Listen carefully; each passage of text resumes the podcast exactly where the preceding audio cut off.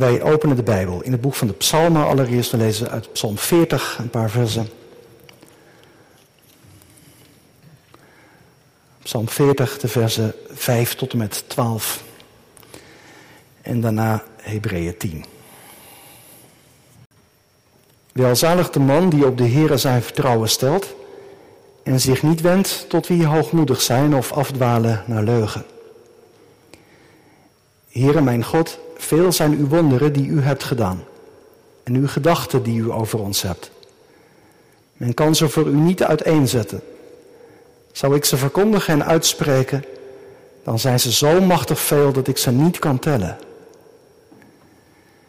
U hebt geen vreugde gevonden in slachtoffer en graanoffer. U hebt mijn oren doorboord. Brandoffer en zondoffer hebt u niet geëist. Toen zei ik, zie, ik kom. In de boekrol is over mij geschreven. Ik vind er vreugde in mijn God om u welbehagen te doen. Uw wet draag ik diep in mijn binnenste. Ik breng de blijde boodschap van de gerechtigheid in de grote gemeente. Zie mijn lippen belet ik niet, u Heere weet het. Uw gerechtigheid verberg ik niet, diep in mijn hart. De waarheid en uw heil verkondig ik. Uw goede tierenheid en uw trouw verzwijg ik niet. In de grote gemeente. Heren, u zult mij uw barmhartigheid niet onthouden. Laat uw goede tierenheid en uw trouw mij voortdurend beschermen. Tot zover de eerste lezing. We lezen uit het boek Hebreeën.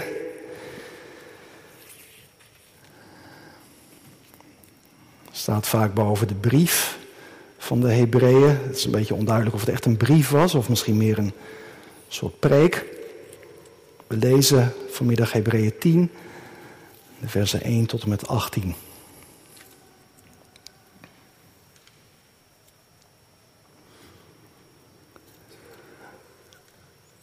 Want de wet, die slechts een schaduw heeft van de toekomstige heilsgoederen en niet het wezen van de dingen zelf, kan nooit met dezelfde offers die zij jaar in jaar uit ononderbroken brengen, hen die naderen tot volmaaktheid brengen. Zou er anders niet een einde gekomen zijn aan het offeren? Want zij die de dienst verrichten, zouden zich dan in geen enkel opzicht meer bewust zijn van zonde wanneer zij eens en voor altijd gereinigd waren. Maar nu wordt men door deze offers elk jaar opnieuw aan de zonden herinnerd. Want het is onmogelijk dat het bloed van stieren en bokken de zonde wegneemt. Daarom zegt hij bij zijn komst in de wereld, en dan volgt een citaat uit Psalm 40, er zitten wat kleine afwijkingen tussen. Dat heeft te maken met het feit dat de schrijver van Hebreeën citeert uit de Griekse vertaling van het Oude Testament.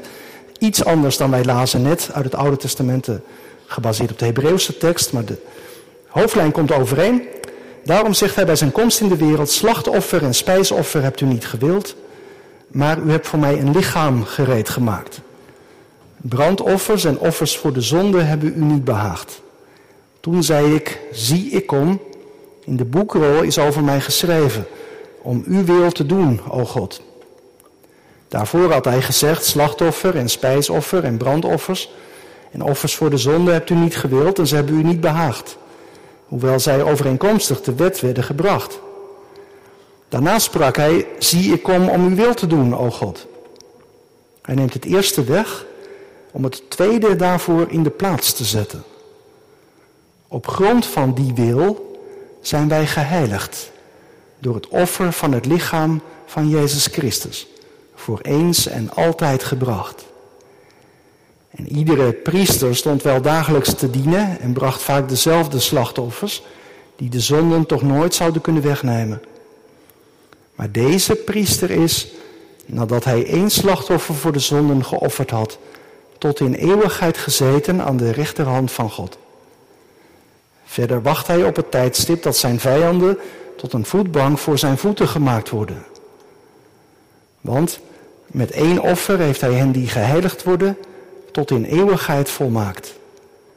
En de Heilige Geest getuigt het ons ook, want na eerst gezegd te hebben, dit is het verbond dat ik met hen na die dagen zal sluiten, zegt de Heer. Ik zal mijn wetten in, in hun hart geven. En ik zal die in hun verstand schrijven.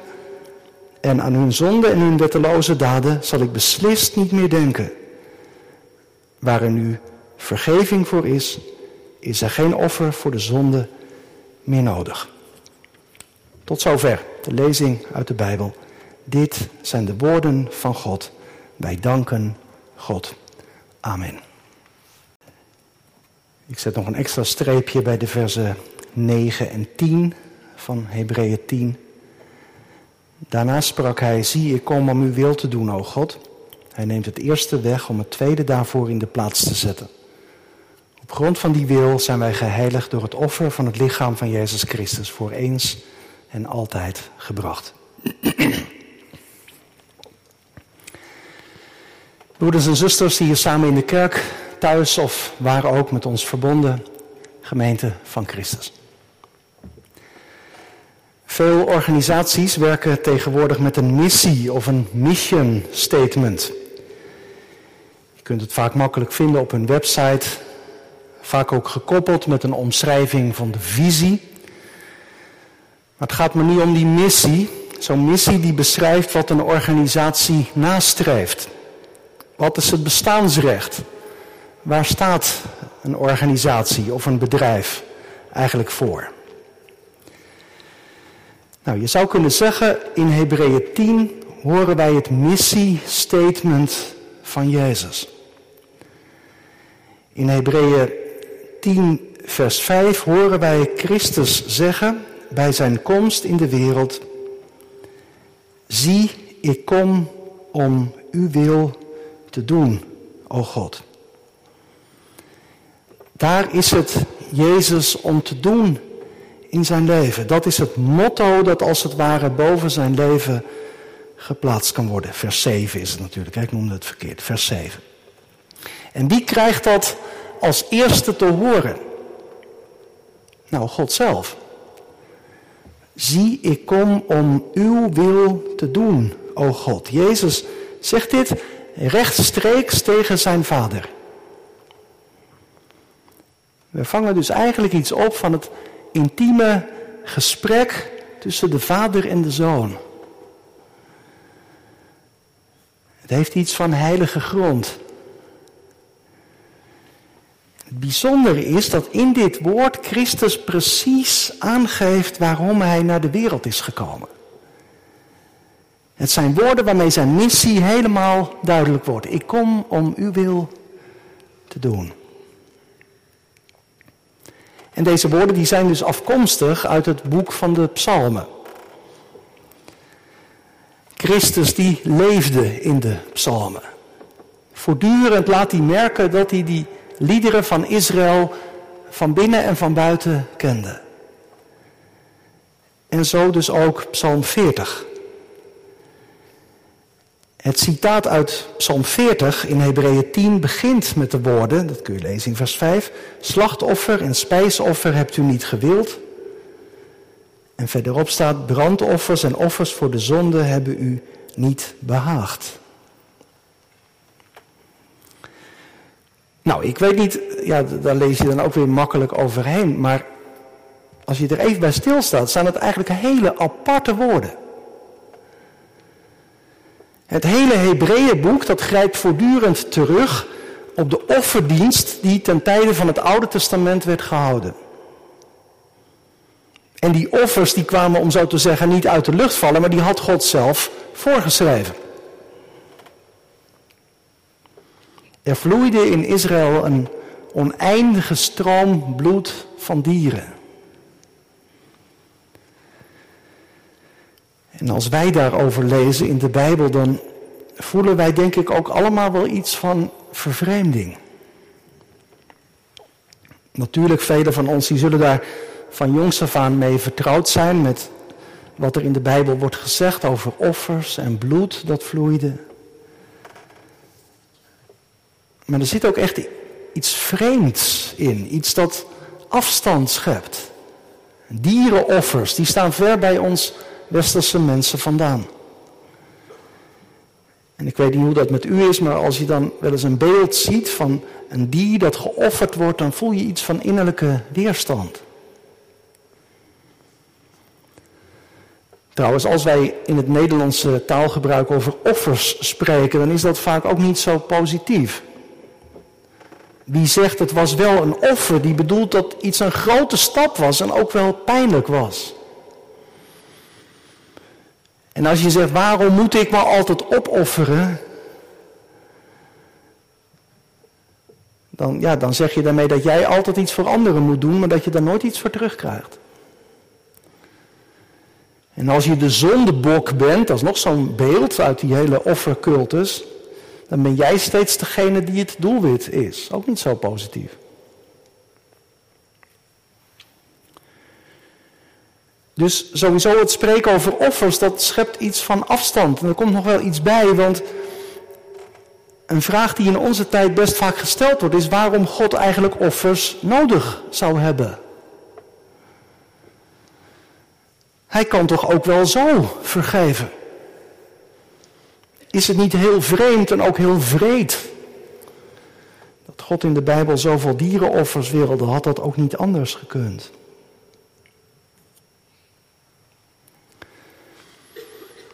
Nou, het eerste dat volgens mij belangrijk is om daarover te zeggen, is dat offers in de Bijbel vaak uitdrukken dat er iets stuk is. Dat moet je heel goed vasthouden vanmiddag. Er is iets kapot in de relatie met God. En wij weten allemaal, denk ik wel, hoe dat is in menselijke relaties. Als de een de ander pijn doet, dan komt er verwijdering. Dan praat je niet meer met elkaar, dan onderneem je niks meer samen. Dan is er soms helemaal geen contact meer. Verwijdering. En hoe kan het dan weer goed komen? Nou, dat kan als er vergeving wordt gevraagd. Als je erkent, dat was niet goed van me. Als je dat misschien allebei ook wel zegt. Zo gaat dat vaak ook in conflicten die heel lang slepen. Daar zijn vaak wel twee partijen bij betrokken. Niet altijd, maar ook wel vaak. Dat je het ook eerlijk zegt, wij hebben allemaal fouten gemaakt. En als de ander er dan voor kiest om ook opnieuw te beginnen, of als je dat tegen elkaar uitspreekt. Wij geven elkaar vergeving, we beginnen opnieuw. Maar gemeente, hoe is dat bij God? De relatie tot Hem. Als wij tegenover God de relatie ondermijnen, dan komt er nog iets bij, dacht ik. Want wij staan niet zomaar op gelijke voet met God, dat weten we ook wel. Wij zijn van Hem, zegt de Bijbel. Wij zijn door Hem geschapen. Als wij Hem tekort doen, als wij de relatie met God ondermijnen, dan trappen wij onze schepper op zijn hart. Hij die altijd het goede met ons voor heeft, die ons nooit tekort zou doen.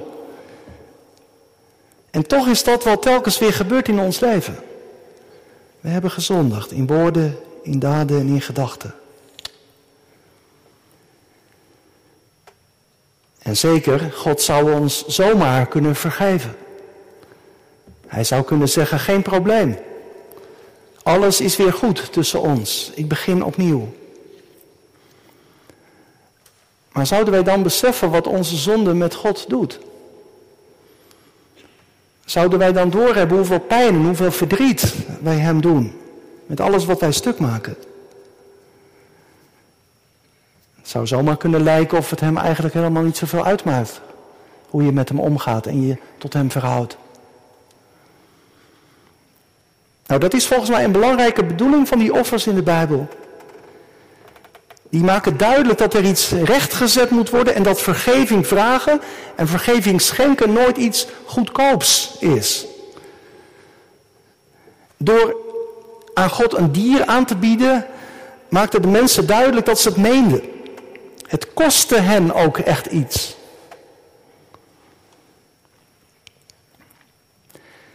Maar goed, als je nou dus even in gedachten neemt alles wat er in het Oude Testament over die offers wordt gezegd. En dat God die zelf heeft voorgeschreven, dan zijn die woorden uit Psalm 40 eigenlijk best apart.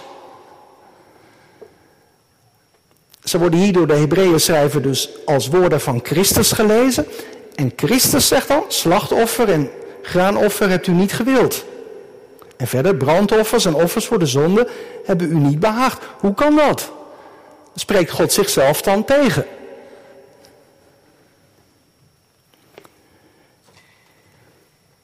Nou, het is in ieder geval zo, dat zei ik net al even rond die Psalm 50 die wij zongen. Het is in ieder geval zo dat in de Bijbel op meerdere plaatsen ook kritisch wordt gesproken door God over de offers van het volk. Want offeren, dat werd soms ook iets mechanisch. Je kon zondigen wat je wilde en daarna bracht je gewoon een offer. En ja, dan zou God je wel vergeven. Maar ja, zo werkt dat natuurlijk niet. dat voelt u wel. Zo'n houding gaat helemaal in tegen Gods bedoeling. En er zijn dan ook allerlei teksten, vaak in, in profeten, waarin God door de mond van een profeet zegt: Ik, ik walg van jullie offers. Stop dan maar mee. Ik wil gehoorzaamheid en ik wil helemaal geen offers. Ik wil gehoorzaamheid en geen offers. Offer God lof, zongen we. Bied hem uw dankbaarheid. Laat je leven een offer van dank zijn.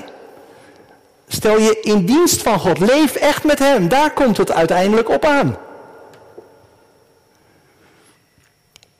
Dus er zijn momenten, ook al in het Oude Testament, dat God zelf ook heel kritisch is op die offerdienst. Maar nu wordt er door de Hebreeën schrijver ook nog een heel andere gedachte ontwikkeld over die offerdienst.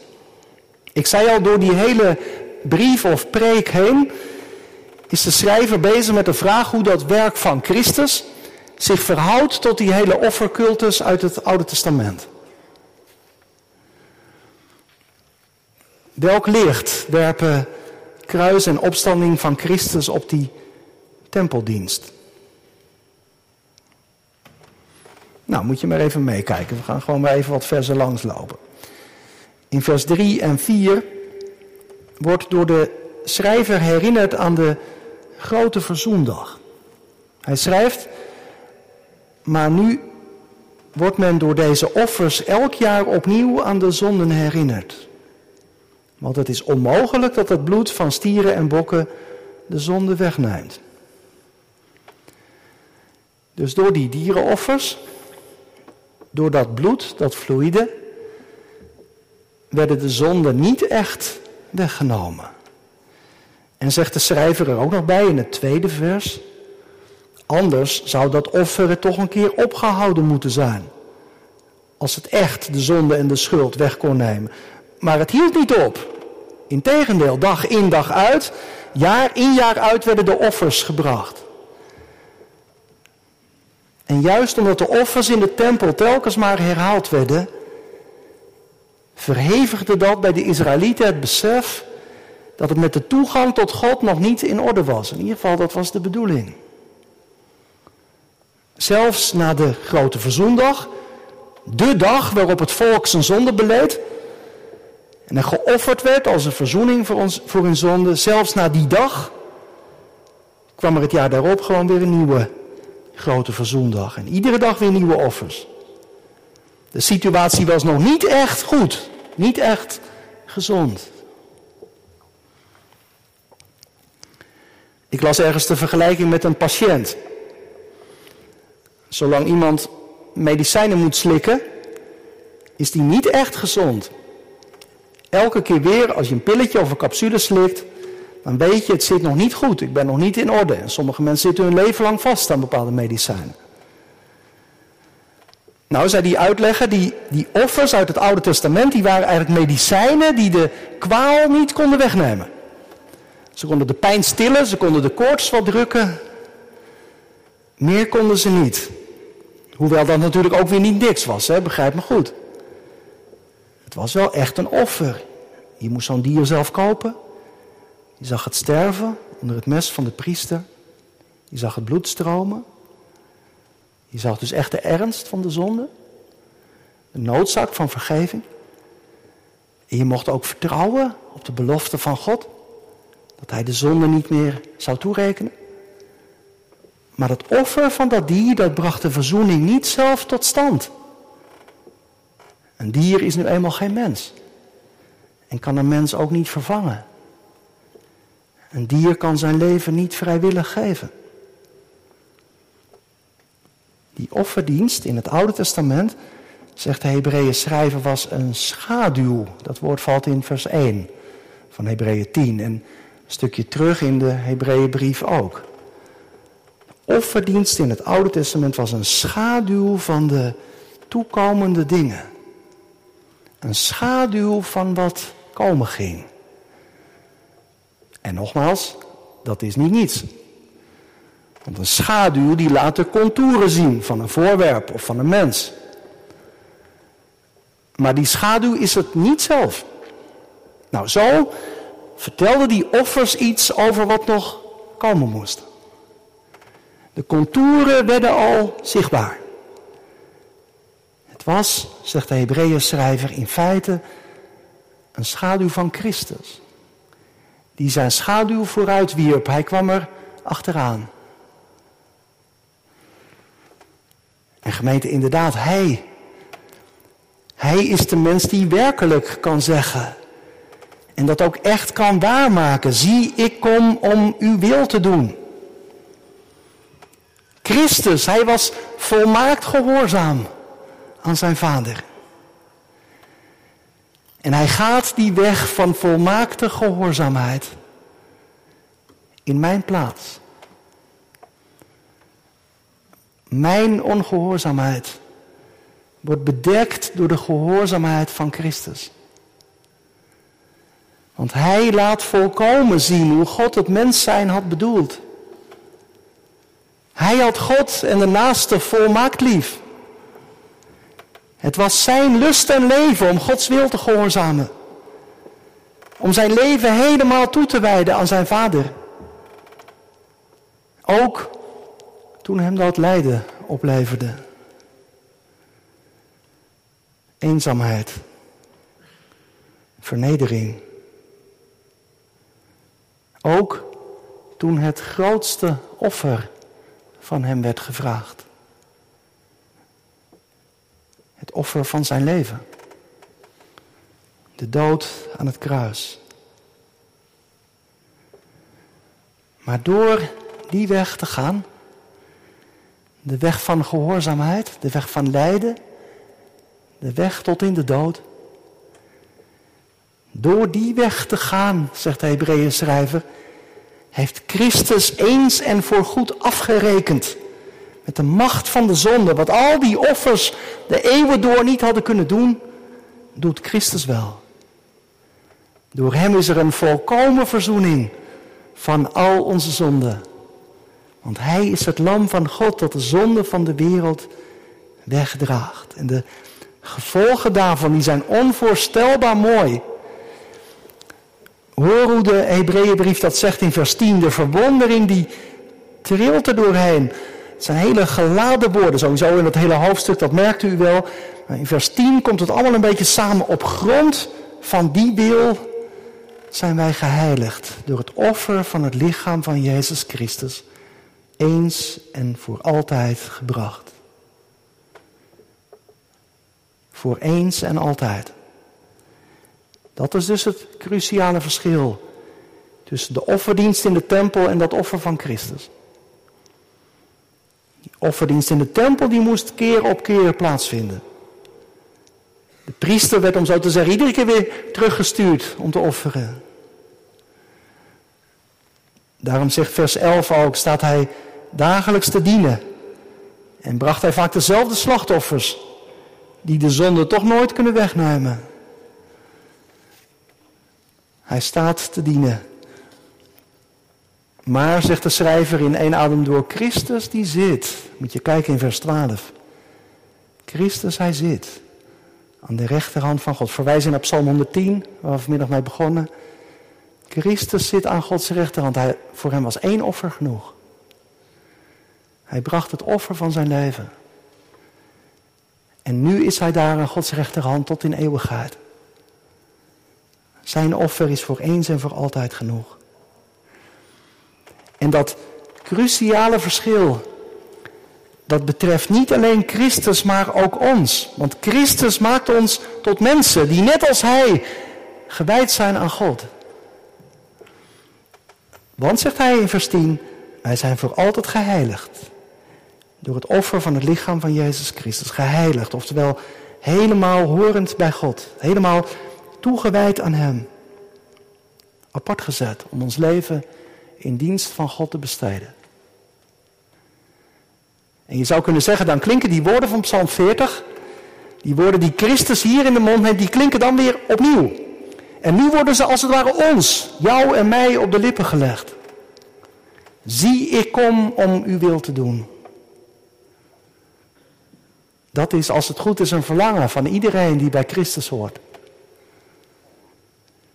Ik hoop dat je dat herkent. Dat je dat verlangen in je eigen leven ook hebt.